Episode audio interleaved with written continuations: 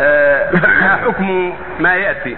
اخت- اختار سيارة اختار السيارة التي تريد فيشتريها التاجر مثلا بعشرين ألف ريال ويبيعها على الذي اختارها بخمسة وعشرين ألف ريال أقساط وذلك بضمان أو كفيل غارم وتكون السيارة باسم المشتري أولا وأخيرا.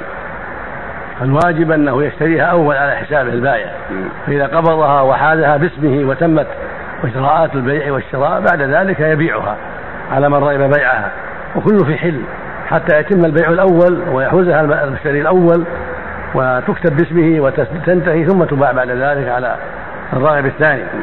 أما التحيل على هذا ب- بأشياء أخرى حتى يشتريها قبل أن يتم الشراء الأول لها هذا غلط.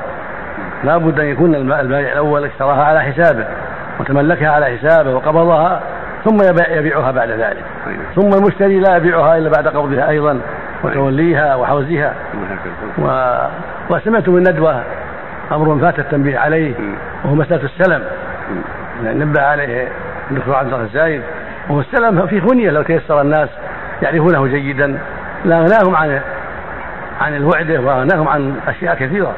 وهو السلم وهو كما سمعتم أن يشتري من ذمة الشخص شيئا معلوما.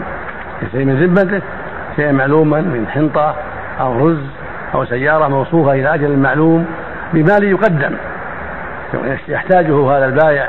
فيقول أنا أبيعك من ذمتي مثل ألف صاع من البر أو ألف كيلو من البر أو ألف كيلو من الأرز في كذا وكذا من المال مقدم. هذا يسمى السلم أو أبيعك سيارة موديل كذا صفتها كذا بعد سنة أو بعد سنتين. بمال يقدم من مال برأس مال يقدم وهو الثمن يقدم حالا.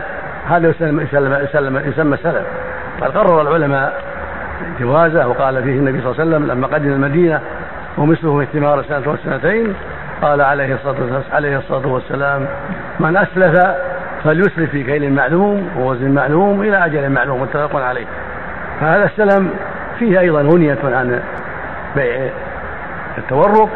وفيه غنية أشياء كثيرة قد يتورط فيها الإنسان من القرض الذي قد يمن عليه صاحبه أو قد يأتيه وهو من ذلك.